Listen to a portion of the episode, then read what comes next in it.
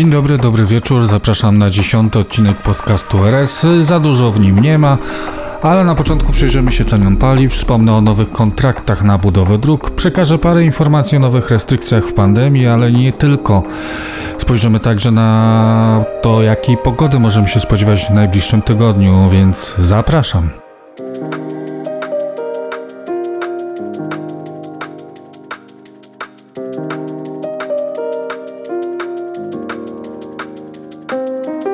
Po tygodniu chyba zdążyliśmy się przyzwyczaić do 5 zł za litr benzyny i nic nie zapowiada na razie obniżek, a wręcz przeciwnie. Eksperci zapowiadają dalsze wzrosty cen. W najbliższym tygodniu ceny paliw będą kształtować się następująco. 95 średnio za równe 5 zł, 98 za 5,28, za diesla zapłacimy około 4,98, a za gaz LPG około 2 zł i 48 groszy. Czas na wiadomości. Generalna Dyrekcja Dróg Krajowych i Autostrad wybrała firmę, która zajmie się wykonywaniem odcinka autostrady A2 z Siedlec do Białej Podlaskiej, a dokładniej fragment od Malinowca do Łukowiska. Tym fragmentem powinniśmy pojechać już za dwa lata. Od Siedlec do Białej Podlaskiej pojedziemy w standardzie autostrady za 3 lata.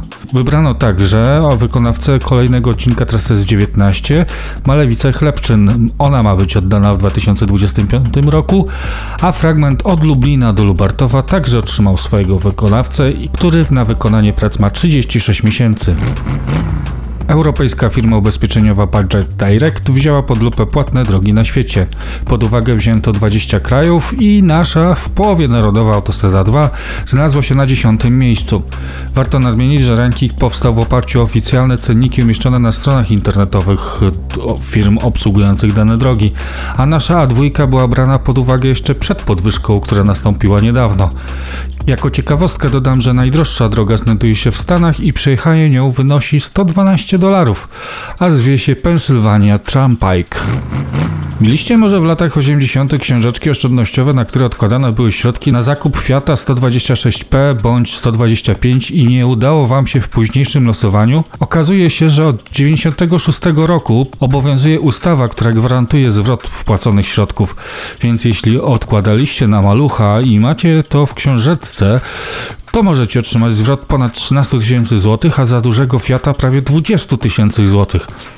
Wydaje mi się, że warto zajrzeć do szafy poszukiwania reliktów przeszłości. Teraz parę informacji dla podróżujących w dobie pandemii. W województwie warmińsko-mazurskim zostają przedłużone restrykcje o kolejny tydzień. Do tego województwa dołącza również pomorskie. Od 20 marca w obydwu tych nie będziemy mieli możliwości spędzenia nocy w hotelu ani wybrania się do kina czy teatru. Restrykcje mają obowiązywać przynajmniej do 28 marca. W poprzednim tygodniu odbyła się polska premiera i prezentacja wodorowej Toyota Mirage. Kosztuje 300 tysięcy złotych i nigdzie jej nie zatankujemy. No chyba, że w Warszawie, bo całe Mazowsze posiada jedną stację do tankowania aut wodorowych. Czyli można jeździć z Warszawy do Łodzi i wracać z powrotem do Warszawy. Będąc już przy Toyocie, warto nadmienić, że nowa hybrydowa Toyota Yaris zdobyła tytuł Car of the Year 21 a zaplanowane na ten rok targi motoryzacyjne we Frankfurcie się nie odbędą.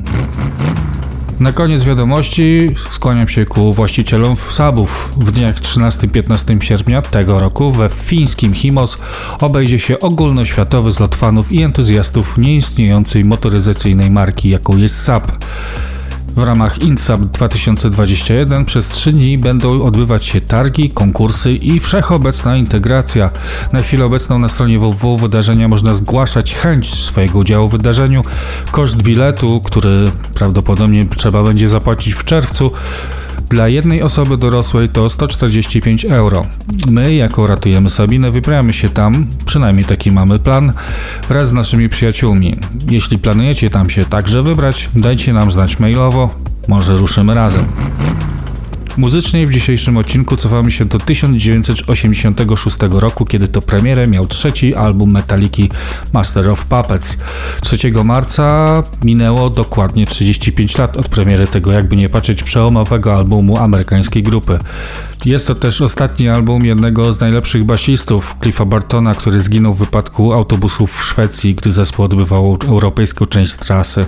Album polecam, a i od siebie dodam, że w trakcie naszej wyprawy i drogi powrotnej z Nordkap w tym roku mamy zamiar odwiedzić miejsce pamiątkowej tablicy, która znajduje się obok miejsca wypadku. Czas na pogodę, a ona na najbliższy tydzień wygląda w kratkę. Trochę deszczu i momentami silnego wiatru. Temperatura będzie oscylować między 5 a minus 3 stopni Celsjusza w nocy. Powoli zbliżamy się do wiosny, choć nie zdziwiłbym się pojawienia śniegu na początku kwietnia, dlatego ja jeszcze opon nie zmieniam. To był dziesiąty odcinek podcastu RS. Jak zwykle zachęcam do dzielenia się opiniami na maila podcast i do usłyszenia za tydzień. Choć jeśli ilość informacji ciekawych do przekazania będzie wystarczająca, to się na pewno spotkamy.